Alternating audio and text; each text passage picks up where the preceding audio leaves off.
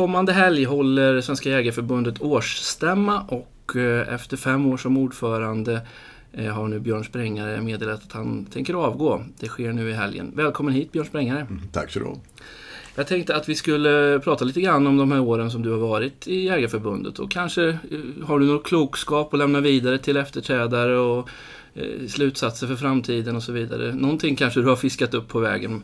Men, men innan vi kommer dit så tänkte jag börja med att fråga dig lite grann om eh, läget när du kom in i Jägarförbundet. För det var alltså 2012 så blev du invald, eller du blev vald till ordförande. Ja, stämmer. Det var ju en period som upplevdes som lite turbulent från, av vissa inom, inom förbundet i alla fall. Hur såg du på det när du kom in i det? Du, du kom ju utifrån så att säga. Du ja. hade ju ingen tidigare position i förbundet. Nej, jag har aldrig jobbat eh, i förbundet ideellt tidigare. Jag har ju varit medlem länge men eh, aldrig aktiv, varit aktiv som förtroendevald. Och när jag blev tillfrågad då så tog jag mig före att läsa in lite grann om förbundet. Och det, som jag, det som slog mig var ju att eh, redan från början att ekonomin var ju faktiskt eh, ganska usel. Man gick back. Det första året jag var då, 19, 2012, då gick det back eh, med 14 miljoner i operativt resultat. Och det betyder att, eh, och det hade gått eh, dåligt åren innan också. Man tappade medlemmar. Så kassaflödet, alltså inflödet av pengar, hade minskat. Och det är rätt allvarligt. Eh, så att det kände jag på en gång att här måste vi göra någonting åt det. Och, så att man kan nog säga att det var en kris faktiskt. Mm. Och det sa jag till valberedningen också, att ska jag göra det här så då måste man ju få ganska fria händer. Det går inte att vända en sån här eh, verksamhet utan att det gör ont. Man måste ta ganska tuffa grepp. Alltså. Och det var de med på. De, mm. Man förstod nog att det var ganska allvarligt. Då. Och, och vad var de stora greppen om man nu ska eh, sammanfatta det hela lite grann? Var, var sparar man? Ja, alltså det är ju inte, faktiskt inte styrelsens ordförande eller styrelsen som sparar pengarna utan det gör generalsekreteraren och organisationen. Det är han som gör hantverket. Så att styrelsen ska ju dra upp riktlinjer tillsammans med eh, generalsekreteraren. Och Jag kan säga att hade inte Bosse Sköld varit generalsekreterare hade jag aldrig tagit uppdraget. Jag kände Bosse lite grann innan. Och eh, jag förstod att ska vi göra det här så måste, det vara, måste vi jobba väldigt tätt ihop. Och vi måste ha i grunden samma synsätt på saker och ting, annars går det inte. Så att det första vi gjorde var ju att titta på hur vi kunde minska kostnadsmassan. Intäkterna var inte så mycket att göra åt. Det, det, det var ju liksom kört. Va? Man har de den medlemsstock vi har. Vi har våra bidrag och allmänna uppdraget. Och det är givet, utan vi måste göra det vi kan påverka själva. Det är kostnaderna. Det var då vi la ner eh, Svensk Jaktnyheter. Jag vet att det både du och andra stegrade.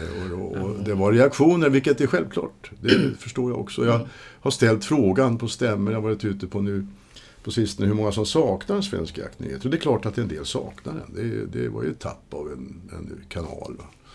Men eh, om man jämför med vad det kostar, det kostar ju 4 miljoner per år och sånt där kommer vi fram till. I besparingar, det är rätt mycket pengar att spara in. Eh, så att eh, när vi ser på utvecklingen under de här fem åren så har vi gjort, har vi, vi har fortfarande ungefär samma intäkter som vi hade när vi började, 162 miljoner. Men det är kostnaderna vi har tagit eh, och reducerat. Mm. Vi la ner några kontor, vi tog bort en del, inte allt för mycket men vi reducerade alltså kostnadsmassan ganska rejält. Mm. Och sen har vi hållit i pengarna. Mm. Eh, och så kom, vi gjorde, du kommer ihåg Jakten på framtiden? Ja, det. det där projektet, eller programmet vi körde igång. Och så hade vi väl tre workshops. Det finns ju inget bättre ord i svenskan än workshop. Mm. Alltså, men vi träffades då på olika ställen och så fick medlemmarna vara med och engagera sig för hur vi skulle orientera in förbundet. Och då fick vi en prioriteringsordning och satte upp ett antal olika mål. Eh, dels ett antal olika områden som vi fokuserade på och sen satte vi upp olika mål då. Eller mål för de här områdena. Och eh, då, på det sättet kunde vi ju motivera varför, vad vi skulle använda pengarna. Och annars är det risk att det kommer upp en massa förslag och idéer om att man ska göra grejer. Ja, ligger de inom ramen för vad jag sagt, då kan de få komma med. Är de inte där, då säger vi nej. Va? För vi har inte råd. Mm. Eh, ja, det är som en vanlig hushållsekonomi. Det är som att sköta sin egen privata ekonomi. Mm. Har man inte råd så kan man inte kosta på sig grejer. Det gäller att ha den där disciplinen och, och, och den tycker jag då har varit eh, väldigt påtaglig. Jag vet inte hur det har märkts ute i organisationen men jag, jag, jag, tror att personalen upplevde att man fick eh, jobba hårdare. Det blev, det blev mera... Eh, alltså det stramades upp på olika sätt. Men det tror jag i grunden faktiskt människor tycker om. Man vill ha tydlighet och, och klarhet vad som gäller. Ja, det är ju, om man, det är inget konstigt egentligen. Det, det, sker ju med alla ja. typer av organisationer och verksamheter med jämna mellanrum så kommer det ju lägen där man måste eh, ja, skära helt enkelt Absolut. och bestämma sig för vad som ja. är viktigt och sådär. Så, hur, hur, tycker du att man har, sen, sen man gjorde Jakten på framtiden-arbetet, nu ska du för övrigt igång en ny ja, omgång med detta. Mm. Eh, men eh, de år som har gått sedan dess, tycker du man har klarat av att hålla i de här prioriteringsordningen som man pratar om eller? Ja, det tycker jag. Jag har gjort sådana här, det heter turnarounds, varit med på det i andra företag. Men en sån väldigt tydlig och förhållandevis snabb förändring som skedde i Jägarförbundet har jag faktiskt inte varit med om. Och jag tror att det, det berodde på att det var så väl förankrat ute i organisationen. Alltså, eh, så må, många människor fick vara med och ha synpunkter. Och sen när man fattade beslut så insåg man det, man hade olika uppfattningar, att nu gäller det här. Och sen har man lojalt ställt upp för det. Eh, så att det tycker jag nog har varit en... Eh, vi har inte nått ända fram överallt. och det gör man inte, det är självklart. Man höj, sätter ju ribban högre. Man ska ha en hög ribba. Den får inte vara för lätt att hoppa över. Men, men eh, vi har fått organisationen att gå i huvudsak åt samma håll. Va? Och det spretar inte så mycket som det gjorde från början. Mm. När jag kom in så fick jag ju brev från olika länsföreningar och människor som hade synpunkter på allt mellan himmel och jord. Och, och att vi borde göra si och vi borde göra så. Och det var ju bara att hänvisa till att nu har vi bestämt oss, nu, låt oss få prova det här och se hur det funkar. Idag är det tyst på det sättet. Alltså det kommer det synpunkter idag, då kommer det synpunkter på att vi borde vara effektivare eller vi borde satsa mera. Alltså man har olika grund... Det, det är självklart att det ska vara så i en organisation. Mm. Eh, och, eh, det jag möjligen kan tycka är att, att under senare år, det var, jag har varit ute på ett antal länsföreningar, det att eh, på en del länsföreningar, jag tror att flera stycken var på, så fanns det inga motioner. Eh, det är rätt allvarligt. Alltså man måste ha, det måste komma upp idéer och tankar i organisationen. Som ska, det är det enda sättet som en organisation kan drivas på. Man kan inte driva Jägarförbundet eh, med toppstyrning. Det är en omöjlighet. Alltså. Det måste komma underifrån. Mm. Så att eh, bara för att det nu fungerar bra med den här målinriktningen som vi har så får det inte vara tyst i organisationen. Det måste vara ifrågasättanden och prövningar hela tiden. Mm. Du skriver ju i din senaste och din sista då, förbundsledare här i mm. Svensk Jakt som kom ut i dagarna. Eh, någonting i stil med att eh, om Jägarförbundet ska behålla sin styrka i framtiden är det nödvändigt att söka nya vägar för att fånga intresset för det vi gör. Alltså nya vägar eh, och hitta... Engagemanget finns men det gäller att fånga upp Precis. det. Det var det som var ja, kärnan i den ja. där texten. Kan och, du utveckla det? Ja, jag vet inte om jag kan det. Martin. Det, det, det, jag är inte säker på att det är jag som ska göra det. Däremot kan jag identifiera problemet. Och, och jag brukar säga, en sån där käpphäst man har, att om man gör en bra problemformulering, då har man halva lösningen. Då. Och jag tror att det är så här att jag, jag möter människor som är, kan vara väldigt engagerade i jaktfrågor och så vidare. Men att ta på sig ett förtroendeuppdrag, det gör de inte. Varför det? Ja, den här formen vi har med, med att jobba i en krets och sitta i en styrelse och sådär. Det passar inte alla. Alltså det, människor har inte riktigt det där med sig. Och hur kanaliserar man in det? Hur kommunicerar man med de människorna? Det tycks ju passa allt färre människor ja. med tiden också. Det är väl där någonstans ja. det ligger. För att det här är ju den gamla sättet så säga, som, som Jägarförbundet och många andra folkrörelser ja. har varit organiserade ja. jättelänge. Ja, det är inte bara vi som har problem Nej, med det. hela den ideella sektorn ja. är ju, har ju problem med detta. Och då är det klart att man funderar lite till mans. Ja, vad är lösningen? Hur, hur ska det här gå i framtiden? När allting blir mer och mer professionaliserat. Det sköts mer och mer av tjänstemän och, och proffslobbyister och allt vad det nu kan vara. Va? Um, och jag, ja, jag har väl inga svar jag heller, men... men, uh... ja, men jag väcker frågan, och den, alltså de politiska partierna har problemen. Vi har de ideella organisationerna, folkrörelserna har samma problem. Och, och äventyras det här så äventyras ju det civila samhället. Alltså. Då, då, då är någon del av vår det som bär hela samhället som börjar att krackelera. Och det tror jag vore väldigt olyckligt. Så det, jag, jag, det kanske att, att få jobba med den typen av problem, det kommer jag sakna. För att det där är verkligen en utmaning att få, få till det här. Va?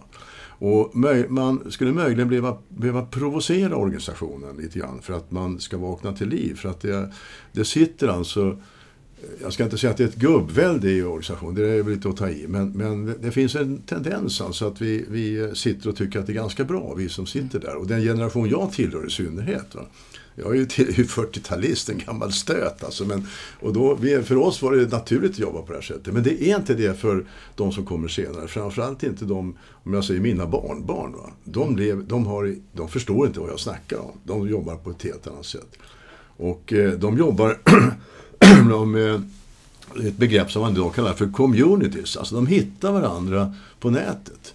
Och sen så kan de träffas fysiskt de kan, i olika sammanhang och där de delar ett intresse.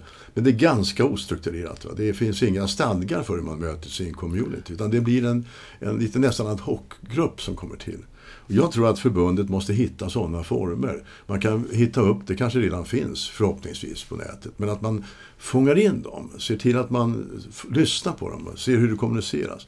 Och då är det inte förbundsstyrelsen och sådana så här stötar som jag ska, som ska utan det ska göras på ett annat, mycket smartare sätt. Men förbundsstyrelsen måste vara absolut medveten om att den här processen pågår. Annars kan man bli totalt akterseglad. Alltså. Mm. Mm. Ja, nej, det är väl en eh, iakttagelse man har gjort lite till mans. Att det här med eh, engagemanget och det, det, det, ser väldigt olika ut. Om vi nu tar Jägareförbundet ja. som exempel här då med kretsar och länsföreningar. Och engagemangsnivån och aktivitetsnivån, den varierar ju en del. Ja. Eh, om man ska vara diplomatisk. Och, och, det är klart att det en del sitter och tar upp plats för andra kanske som vill göra saker. Ja. Lite så. Det är min bild åtminstone. Ja, det finns det. det var ju, jag har ju gått ut tidigare när det gäller valberedningens roll, när det gäller kurage. Att valberedningen måste se till att sitter det sådana här stoppklossar i systemet, personer som inte vill flytta på sig och inte leverera någonting, då ska de bort alltså. Mm.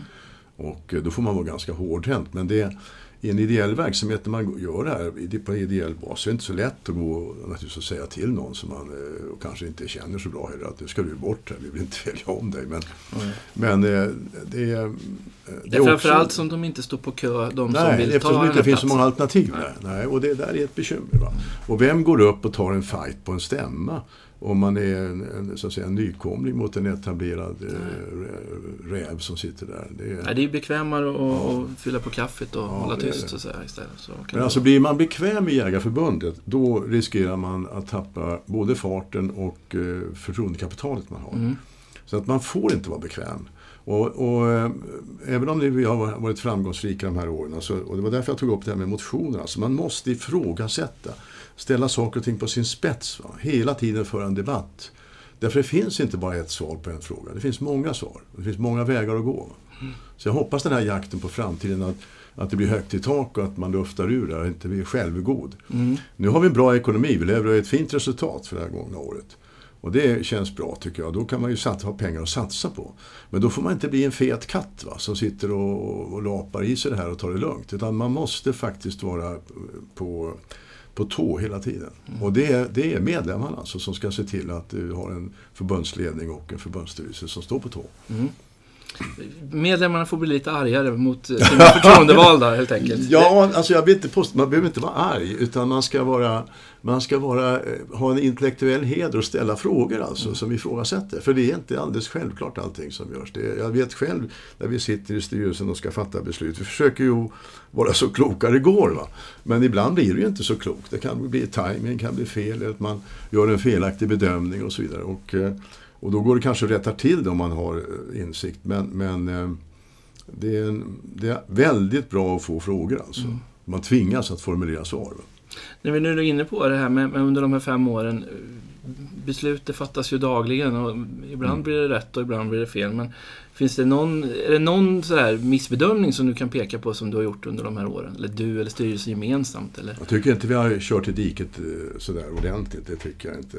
Eh, men eh, det är klart att man ibland har fått korrigera beslut. Vi har, vi har ju varit förhållandevis försiktiga. Alltså det, som har, det som har präglat styrelsearbetet det är ju en stor återhållsamhet med, med medel.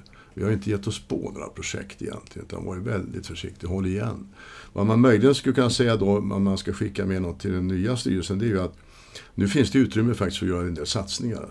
Det är ju inte något självändamål att tjäna pengar i en sån här organisation. Den här ska ju använda pengarna. Mm. Det ska bli medlemsnytta av dem. Och eh, därför kan det nog vara så att om man eh, den här jakten på framtiden 2 innebär att man kommer att göra satsningar så kan det innebära att man måste ha modet att göra satsningar. Även om man inser att det inte är helt riskfritt. Det kan faktiskt gå åt helvete ibland. Mm, mm. Och det, det, får man ta. Man vågar, vågar, vågar misslyckas kanske ja, ibland också. Så. Alltså det svåraste i ledarskap, ett av de svåraste i ledarskap, det är, det är att våga se sanningen när det går snett. Och ta till sig den. Det är bland det svåraste som finns. Och då ska man ha med sig människor, framförallt om det går bra, på trumfvagnen. Någon slav som talar om för en att man är dödlig. Det, det är en gammalt uttryck. Men det är så sant alltså. Och, och, och därför, och det ska också vara så att man säger den, inte lindar in sanningen, utan man talar om den tydligt. Man får pröva verkligen. Mm. Jag tycker inte förbundet har, vi har inte sådana stora satsningar och något sånt igång där det finns en sån risk. Men men jag tror att det är väldigt angeläget att, vi, eh, att man, man har att man faktiskt är observant. Va? Så att man inte, som jag sa tidigare, får inte bli en fet katt. Ja, vi pratar ju om, om intäkter och utgifter och, ja. och samma år som du valdes till ordförande, men jag tror det var dessförinnan, för du valdes ju vid en extra stämma. Ja, det var en extra stämma, ja. Men innan dess så, så togs det ett beslut om att förändra medlemssystemet lite grann med medlemsavgifter och sådär. Ja. Och det där ledde ju också till en lite grann eh, darrig situation, eh, om jag minns den rätt nu. Alltså det var med familjemedlemskapet togs bort och det blev lite Ja, det var inte lite... en darrig situation, det var en katastrof. Ja. Alltså, det var fullständigt uh, tokigt. Alltid. Och då ser vi ju med facit i hand att även en, en årsstämma kan ja. fatta felaktiga beslut. Då. Ja, men det är ju så. Alltså, vi, man måste inse som att vi är människor. Och man påverkas på olika sätt. Och, och det finns så många exempel på jag har ju sett i näringslivet, jag har följt en del, riktiga totalhaverier. Där styrelseledamöter sitter och säger så här, ja, jag trodde de andra förstod det, men jag förstod det inte så att jag bara åker med. Det är ju livsfarligt. Jag vet någon som uttryckte det i den här Skandia-härvan, Skandia-skandalen. Och det är kloka människor. Va? Det är väldigt besvärligt, beroende på vilket klimat man är, att säga det att det här är fel. Att stå upp och tala om att kejsaren har inga kläder på sig. Mm. Alltså tala om en sanning. Det kräver ett visst mod, civilkurage. Så den viktigaste uppgiften, eller en av de viktigaste uppgifterna som jag har haft som förbundsordförande, det är att få förbundsstyrelsen att känna en trygghet. Man får ställa korkade frågor. Man får faktiskt attackera styrelsen för att tycka att han har gjort något tokigt utan att man ska få skit av det. Alltså för annars riskerar man att hamna i ett läge där alla står och bugar sig och säger att vilka vackra kläder kungen har då, mm. eller kejsaren har. På det spåret då, för det här vi pratar om nu, ifrågasättande och sådär, det är ju en del av den roll vi har på Svensk Jakt, Precis. som är förbundets mm. tidskrift som ska vara eh, granskande och sådär. Mm. Eh, har vi varit för snälla? Är vi för mesiga? Skulle vi kunna vara kri mer kritiska? Ja, det tycker jag nog faktiskt. Eh, men, men, samtidigt ska man då, det är en balansakt. För att det, om man ska kritisera ledningen, det finns ju vissa saker, vi kan ta hanteringen av allmänna uppdraget, alltså en politisk känslig fråga som är politiskt känslig utanför förbundet så att säga. Den är politiskt känslig i den, i den, på den politiska arenan. Där har ju vi för, från förbundsstyrelsen drivit en linje hur vi hanterar den frågan i förhållande till regeringen. Och om man där skulle gå ut och börja skriva eh, och, och, dra på så skulle det uppfattas som att det är förbundets uppfattning och då kanske det, kan, det blir kontraproduktivt. Mm. Så i vissa frågor måste man, man måste åtminstone fråga innan och fundera innan. Mm. Ja, den, det, det, passar ju inte naturligtvis en redaktör. Den linjen har ni ju hållit hemlig för mig får ja, jag ju säga också. Ja. Då, så att ja, vi har legat väldigt det. lågt alltså. Vi har ju valt att gå enbart jobba med regeringen eh, och inte jobba via oppositionen exempelvis. Vi har haft, och haft en mycket öppen och, och har fortfarande mycket öppen och rak diskussion med, med regeringen. Och det bygger på förtroende. Alltihopa bygger på att man bygger upp förtroendekapital mellan men, men annars så tycker jag att man mycket väl kan se, kan, kan ifrågasätta saker och ting som, som eh, man skulle kunna göra bättre eller man kan göra på annat sätt. Eller man kan ställa frågor om inte annat. Mm. Och, det, är, och det tycker jag att ju, ju då blir det levande, då blir det en dynamik. Men viljan är ju inte att man ska så att säga, misskreditera personerna. Eller misskreditera, den är faktiskt att man ska, som man brukar säga, förädla besluten. Ja, man ska jo, göra dem bättre. Ja. Jo, det, det, det är genom den där, ja. ska igenom härdsmältan, höll ja, på att säga, precis. med besluten. Ja. Eh, för inte så jättelänge sedan så eh, kom, kom Jägareförbundet till, fram till ett, ett så kallat handslag med, med skogen. Ja. om lite fredspiperökning kan man väl kalla det för. Eller att man skulle eh, sluta bråka med varandra så mycket eh, var väl grundtanken. Eller kan du berätta vad var... Ja, det kanske inte var att man ska sluta bråka för att det, det tror jag att det hela, alltså hela eh, frågan handlar ju om älgförvaltningen. Och den handlar ytterst om betesskadorna på skog, på växande skog, på tallskog. Och det har gått så långt att man har fått en trädslagsförskjutning i södra Sverige. Det planteras gran på tallmarker och så vidare. Och eh, I början var det en väldigt kärv stämning. Det var så kärvt så att vi, eh, när vi första gången träffades, att, eh, då satt vi faktiskt ett helt dygn med en mellanliggande middag och natt innan vi, och halva dagen därpå. Och då var utgångsläget att vi i stort sett hade brutit. Vi hade inte, det höll på att rasa ihop alltså. Och, och älgförvaltningssystemet är ju fattat ett beslut om i riksdagen. Alltså det är ju en, en, ett sätt att lösa en konflikt. Och den konflikten kommer vi aldrig ifrån. Det är konflikten mellan hur stora betesskador och produktionsbortfall och andra kvalitetsskador på skogen ska vi acceptera för att kunna få ha en älgstam som är tillräckligt bra för att kunna jaga. Mm. Det är den balansen ifrån. Och den måste lösas lokalt, som man sagt. Och då måste man ha människor som sitter lokalt som kan komma överens. Och då får man inte ha Eh, motparten får inte använda utslagsrösten och slå i skallen på, på jägaren och säga att nu bestämmer vi. Det är ändå vi som är markägare. Utan man, ska man få det här att funka så måste man återigen bygga ett förtroende så att jägarna känner, även om de inte i alla stycken får som de vill, att det är ändå lustfyllt att gå ut och jaga. Man ställer upp och man har ett förtroende och får hålla på uthålligt med det hela. Det där har brustit, alltså på, eh, inte överallt, utan det, man kan då säga att det, de flesta håll fungerar det på, men det, på en del håll fungerar det inte. Och vad vi då sa det är att om vi inte får det här att funka, då kommer någon annan att lösa det här åt oss. Det blir myndigheter som går in och talar om hur det ska vara. Kan det vara bättre? Eller att vi ska ha markägarna som ensamma bestämmer med utslagsröster och så har vi en oerhört dålig stämning. Då är det bättre att vi försöker göra upp och då sa vi från vår sida vi kommer inte att bråka om utslagsrösten, vi vet att den finns där. Vi, är, vi ifrågasätter inte äganderätten. Men då får ni också bjuda på någonting. Och då, vad de bjöd på, vi kommer att plantera mera tall, vi kommer att se till att vi förändrar utbudet när det gäller betesutbudet så att säga, en mer, och ha en inriktning på att öka tall, tallföryngringarna. Och, eh, och sen så är tanken då att vi ska träffas och ha, se det här som ett, eh, fånga upp då, om fungerar systemet eller fungerar det inte? Och det kallar vi det för hand. Vi skrev ett papper om det där. Och det handlar ju inte om att lägga sig i vad man lokalt gör på eh, EL, för det är den lokala organisationen där ute på fältet som ska bestämma hur mycket som ska jagas och hur det ska jagas och hur viltförvaltningen ska gå till. Men vi satte då så att säga normerna för att se till att ni kommer överens och kör inte fast på grund av att det är personlig prestige eller personliga motsättningar. Då skickar vi frågan upp till någon, någon som får hjälpa till och medla eller få ihop det hela. Sen kan man väl säga att det där har inte fungerat riktigt bra. Och, och eh, inte överallt i alla fall. Och det är klart att eh, det där kan man då rikta kritik mot. Jag har ju själv drivit den här frågan väldigt hårt och eh, också medverkat till, tror jag, att, att vi fick till det här handslaget. Och, och, personligen har jag svårt att se något annat sätt att lösa det på faktiskt. Ja, det, det, är en, en, en oerhört intressant fråga, samhällsfråga det hela. Alltså hur löser man en konflikt mellan två så två sådana värden som är så oförenliga. Betesskador, produktionsbortfall mot att få jaga och behålla ett, ett, ett jaktbart vilt som älgen är. Alltså det, den kan, som jag ser det, bara lösas genom att man kommer överens. Mm. Kompromissen. Så det går inte att räkna fram. Det finns inget som kan slå i skallen på den andra och säga nu är det så här och det här är sanningen och så här ska det vara. Mm. Utan du måste komma fram till en kompromiss som är en, en rimlig avvägning där, du själv, där man tillsammans känner det här verkar rimligt. Va? Och det ställer självklart stora krav på de som sitter och ska fatta besluten. Det förstår jag också. Och alla kanske inte riktigt är, har jag är beredd att göra. De ska ju ställa upp för många, jägarna ska, som representanter ska ställa upp för hela, alla jaktlagarna i området. Och det är klart de får kritik. Va? Det spelar ju ingen roll hur det bestäms, det blir alltid någon som tycker att det är fel. Ja. Så att, alltså, och, och, och, hur vi än löser det här så kommer vi ha problemet kvar. Alltså. Det är en mm. konflikt som finns där.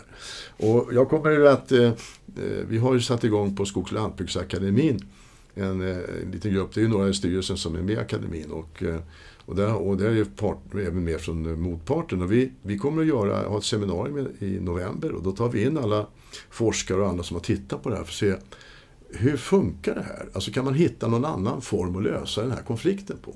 För vi måste lösa konflikten. Vi måste lösa den varenda år. På något sätt måste vi komma igenom. Mm. Och, och, eh, det, jag tycker den är oerhört intressant. Alltså den, den, den bygger på både att folkrörelser, människorna som kommer, jägarna som kommer utifrån bygderna ska vara med och möta då folk som företräder markägare. Och det är dels de naturligtvis som är markägare som enskilda markägare. Men så har du stora, stora skogsbolag som sitter med sina tjänstemän på plats och så vidare. Och här, har man ju, här finns det andra inbyggda konflikter och annat som finns. Så det, det är inte det är gamla, gamla kan ja, man säga. Det det är gammal historia bakom. Mm. Så det är inte lätt. Va? Men eh, jag vill gärna höra någon som skulle kunna ta, hitta på en, en, ett annat sätt att lösa det på. Mm. Jag, jag har svårt att se att vi i Sverige med vår eh, tradition och vår eh, kultur, så jakten är ju ett kulturarv och vi har en lång, lång historia att det är något annat sätt än att vi möts på plats lokalt och gör upp. Mm. Och, och det, jag, jag, ser ingen annan väg faktiskt. Det, det som är 48 miljarder kronors frågan, eller vad den är värd. kanske ännu mer. Det kanske inte räcker. Ja. Ja. Eh, det hakar i lite grann, eh, en annan sak som jag tänkte ta upp. Eh, det här med, man ska säga, här, i det här fallet då jägarnas och skogens samhällsansvar. För det handlar det ju om. Där man ja, det är precis vad det är frågan om. Ja. Eh, för jägare, jägarna som grupp har ju många sådana krav på sig mm. från, från i olika ja. aspekter och sådär. Eh, men och i detta då så har det ju på senare år börjat eh, ifrågasättas helt enkelt det här med privat ägande av skog till exempel. Mm. har ju mm. luftats och ja. alltså de här äganderätts och brukanderättsfrågorna börjar liksom det börjar ifrågasättas på ett mm. sätt som vi inte har sett tidigare. Ehm, du har ju en, en bakgrund i skogsbolag och, och ja. i näringsliv och så vidare. Så jag, jag, misstänker att du inte är helt nöjd med, med, med en sån utveckling åt det Absolut hållet. Absolut inte. Nej, jag tycker den är förfärande. Är faran över eller? Är det... Ja, nej det tror jag inte. Alltså i och för sig så tror jag att det är bra att man ifrågasätter rådande ordningar. Det har jag ju sagt. Va? Det, det tror jag att man... Men däremot så, så kan man ju då titta tillbaka historiskt. Vad är det som har byggt landet? Eh, om man jämför exempelvis med Ryssland. Ryssland har ungefär samma förutsättningar och villkor som vi när det gäller, vi ligger i, ja, i taigan här uppe, boreala barrskogsbältet. Mm. Men Ryssland fungerar inte alls som Sverige. Fast vi har samma förutsättningar. En av grundutgångspunkterna är att man har aldrig haft friägande bönder. De har varit livägda.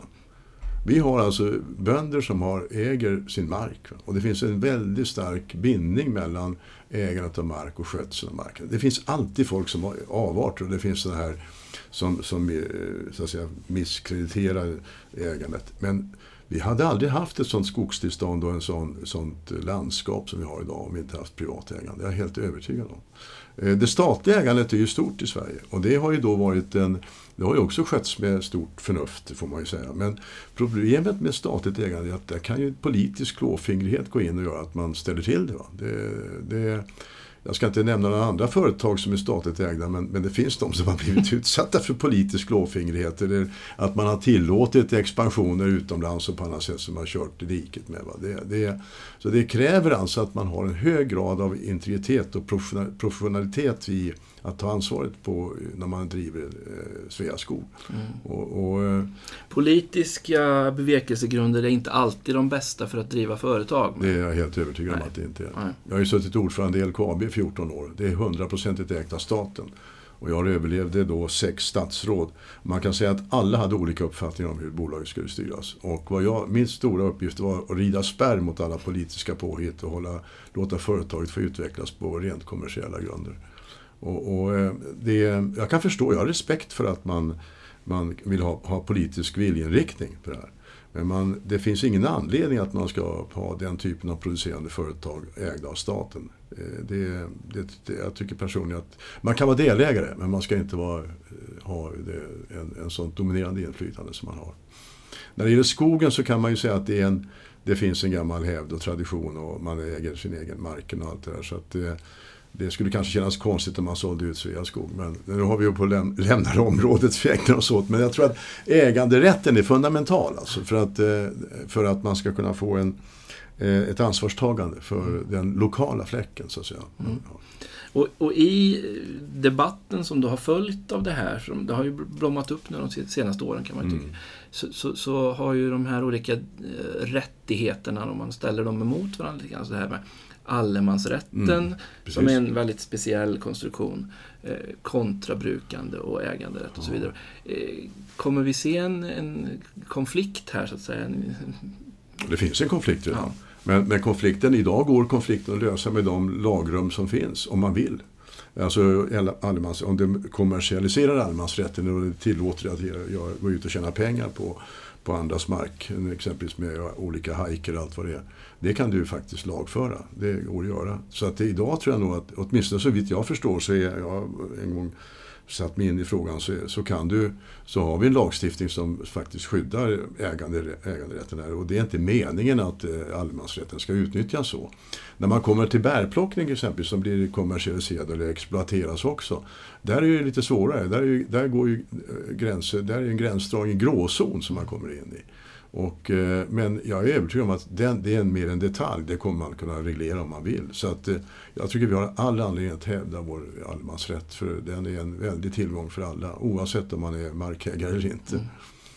Vi som är journalister, vi är ju ofta väldigt eh, konfliktinriktade. Det är ju mm. konflikter som är intressanta ja, att beskriva visst. och det, det händer saker och det finns olika synsätt som, som bryts och stöts mot varandra och sådär. Men eh, jakten i Sverige har ett högt eh, förtroende bland allmänheten, en hög acceptans för jakten internationellt sett mm. i de mätningar som har gjorts.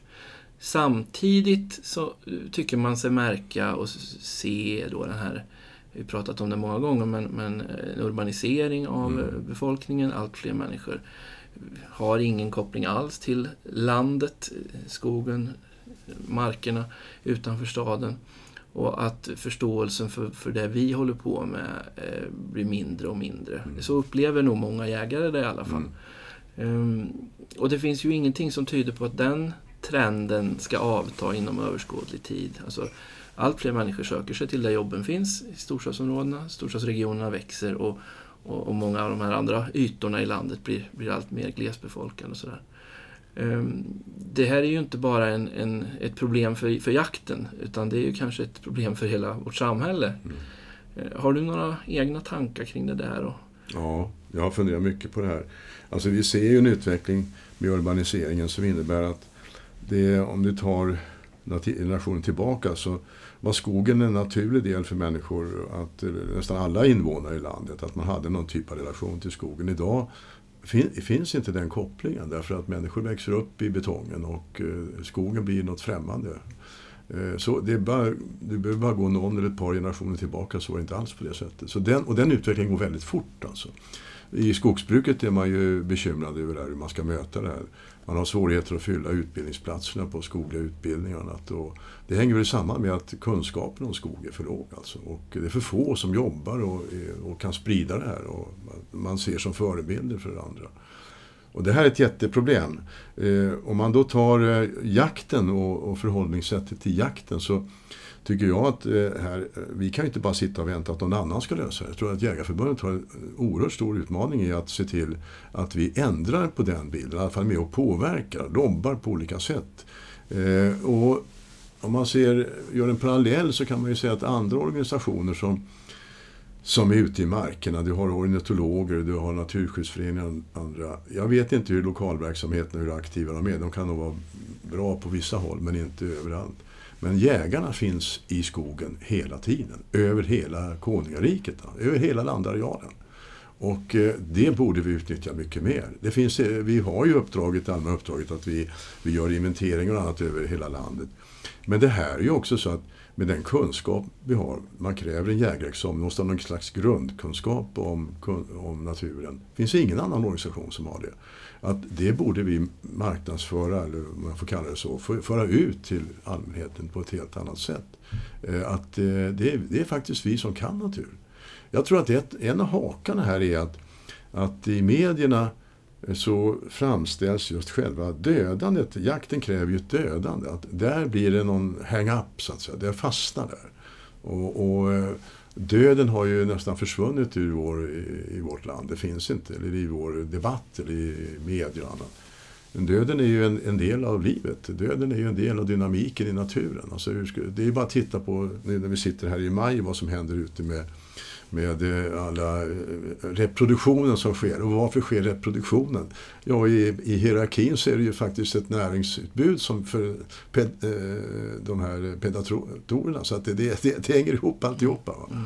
Och det är ganska enk, för oss är det ganska enkelt, men för många människor är det här någonting som man ser väldigt statiskt och som man ser inte dynamiken. Och jag tror att här har vi en, en, en, en uppgift faktiskt. Vi kan inte bara sitta och hålla på och ägna oss åt jakt och jaktfrågor. Vi måste nå ut lite bredare och säga att miljöorganisation som kan natur i bred bemärkelse.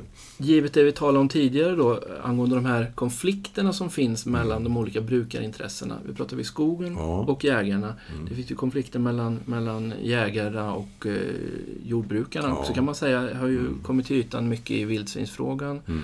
Det här utfodringsförbudet som var uppe på tapeten för inte så mm. länge sedan. I mina ögon känns det som att här finns det ju klockrent exempel på att man borde samarbeta ja. mer. Alltså här finns det ju liksom, vildsvinsfrågan och, ja. och den, det är skitfrågor i kontra ja, jämfört med hotet mot brukandet av naturen.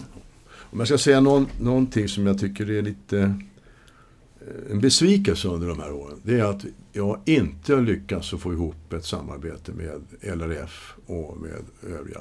det, har, det har inte funnits något intresse. Man, och det kan jag möjligen ha respekt för. Man kanske vill profilera sig. Vi har många gemensamma synpunkter men man vill inte, man vill inte gå ihop med oss och profilera sig tillsammans med oss. Och så får man då det här bekymret att jägarna hamnar i skottgluggen när det gäller utfodringsfrågor och annat. Och det är klart att det är jägare som utfodrar, men ytterst är det faktiskt en markägarfråga. Markägarna har full rådighet över hur utfodringen ska gå till. Det är inte jägarna som bestämmer det. Man kan inte gå och göra utfodring på annans mark hur man vill. Utan det är markägaren som bestämmer. Och det här, här är väl andra konflikter och intressen som ligger bakom. Men eh, jag hävdar ju med bestämdhet att, eh, som du var inne på, urbaniseringen och den förändring, snabba förändringstakt som sker nu, där allt färre människor får respekt och kan ha kunskaper om jord och skogsbruk och, och, och förvaltning av vilt. Att vi måste faktiskt samverka. Det, det, det, är, det är enda vägen fram, att vi håller ihop som brukare.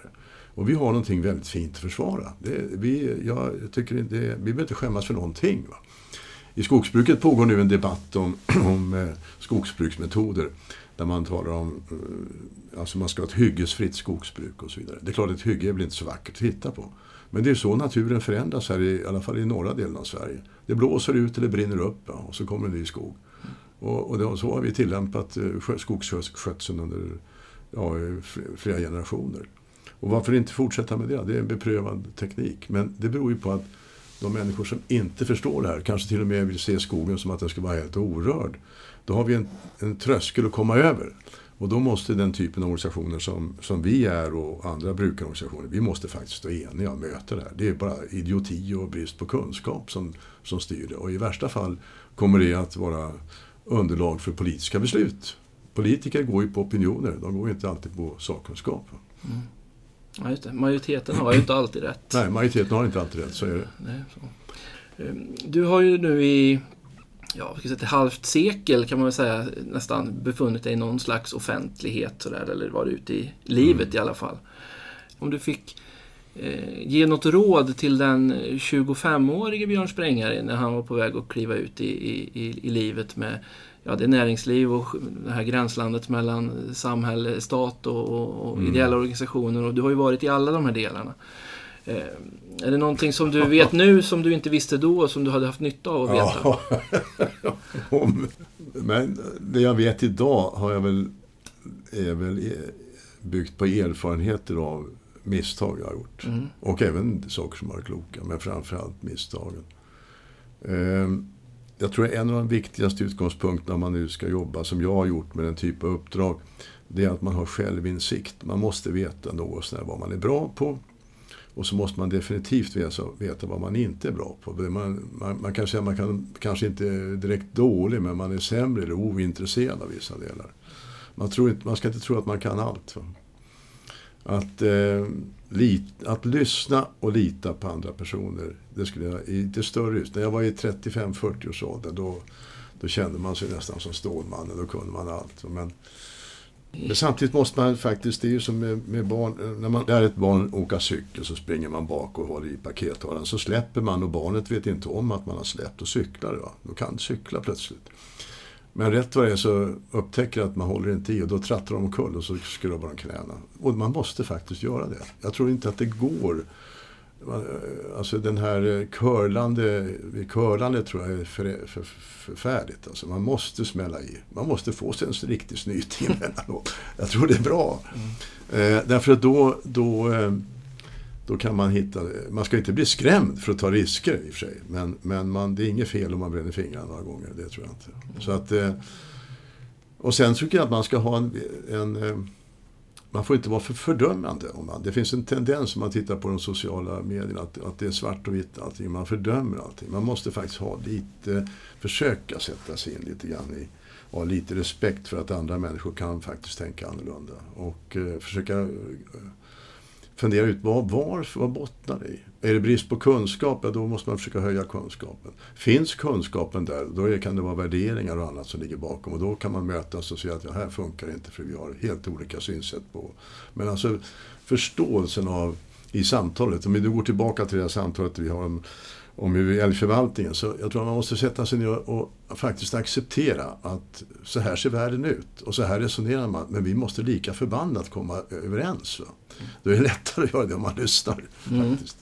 Det finns väl en hel del i det har, vi har pratat om här nu som, som man skulle kunna tolka som att goda råd för att skicka med till de som kommer efter dig här nu. Så Är det något särskilt du vill peka på sådär som eh, Tänk på det här nu. Eller vill du, lägga dig, inte, vill du låta bli att lägga dig i? Någon ja, det gör jag nog. Jag vill, inte, jag vill inte lägga mig i det. Alltså, var man har här uppdrag till låns. Och man, den här, nu är den här fasen som jag har varit inne i, den är över. Jag tycker jag går på topp, så jag känner det. Nu börjar man jakten på framtiden 2. Man tar en ny sats som omprövar. Och då ska det vara en ny ledning och det är nya villkor och nya tag. Det går inte att... Man, kan ju, man ska inte glömma bort sin historia. Man ska komma ihåg eh, vad det är som har hänt och, och dra nytta av det. Men det får nog var och en göra själv. Jag tror inte jag ska ge några råd. Eh, det viktiga tycker jag är att om man ska ha någon synpunkt, att man gör upprepa den här jakten på framtiden på ungefär samma sätt man gjorde det förra gången. Då nämligen låter medlemmarna få tycka till. Lyssna. Förankringen. Ja, förankringen är oerhört viktig. Jag tror att det var, det var grunden för framgången i, i den här resan vi gjorde, har gjort här. Att det var så väl förankrat. Folk eh, har haft olika uppfattningar men har för, man har en förståelse för varför vi valde den väg vi valde. Mm. Får man alla fakta på bordet och, och ser för plus och minus så, så klart att då ökar ju förståelsen för att det inte är så enkelt. Det är inte svart eller vitt. Alltid. Nej, alltså, jag tycker jag har erfarenhet av att suttit i, i företagsstyrelser där man haft med eh, arbetstagarledamöter. Och eh, om man kommer in i krissituationer, vilket jag har varit ett antal gånger, då, då, är det inte särskilt många vägar ut man har. Det finns, kanske, om det finns två så är det bra. Normalt är det bara en väg ut och den är jävligt jobbig alltså. Och den kommer att kräva stora uppoffringar. Och de fackliga företrädare jag har mött då i, inom industrin, de sitter och ska gå hem till sina medlemmar och tala om att nu väntar ett riktigt, en riktig eklut att gå igenom. Och det är inte lätt. Va? Det är mycket lättare att sitta utanför då och, och peka finger och anklaga vilka idioter som sitter och fattar besluten. Men de har tagit dem, varit med på dem och ställt upp och, och naturligtvis under vissa villkor. Eh, och det tror jag är samma sak här. Alltså har man, eh, sitter man i ett förbund och ska genomföra någonting och förankra det, där man ser vilka ekonomiska villkor har vi, vilka, vilka ramar har vi? Vi har, kan inte göra allting. Vad ska vi då prioritera? Om man får vara med och ge sin röst och sin synpunkt, då är det mycket, mycket lättare att och, och, och ta även om det är jobbiga beslut och förstå dem. Nu är det alltså snart slut här. Nu ska du lämna som förbundsordförande. Mm. Vad ska du hitta på nu på fritiden? Ja, för det, går, det har tagit rätt mycket tid. Eh, jag, har det tagit mer tid, uppdraget, än vad du trodde från ja, början? Absolut. Jag sa ju det från början, att jag, inte, jag har inte tid att, att lägga ner så mycket tid som det jag, Men sen har jag lagt ner tiden ändå. Och, eh, jag vill avslutningsvis säga då att jag tycker det har varit fantastiskt roligt. Det som har varit roligast har varit att möta alla människor ute i bygderna. Alltså det är ju, Jägarförbundet har medlemmar som finns ifrån alla delar av samhället. Och, och, eh, jag tycker om att möta människor med eh, livserfarenheter och inte minst jakterfarenheter från olika områden. Och, eh, det är alla tänkbara yrken representerade och man har det här engagemanget som bland de förtroendevalda. Det var någonting nytt för mig. Det har jag aldrig mött på det här sättet tidigare. Nu har jag fått en hel bild av det i hela landet. Och, och det har varit väldigt roligt. Jag har fått otroligt mycket gensvar och bekräftelse. Jag har känt en, det har varit en fantastisk resa på det sättet att vara med om. Så att eh, det är det stora värdet. Jag har inte tillfört någonting när det gäller jaktliga frågor i förbundet, för det, det, kan andra bättre. Men jag tror att jag har tillfört någonting när det gäller ledarskapet och, och att skapa de här förutsättningarna för en, hur en organisation arbetar. Och det känns otroligt fint. Alltså, det gör det. Men jag har ju några andra uppdrag. Jag sitter i några styrelser och eh, jag kommer att fortsätta med det så länge de vill ha mig där. Eh, och, eh, men sen ska jag ägna lite tid åt min... Jag har gifta i 50 år, Sigrid och jag. Och hon har sagt att ska du aldrig pensionera dig? Men nu tror jag att jag ska ägna lite mer tid åt henne också. Mm. Tack ska du ha Björn. Mm, tack själv.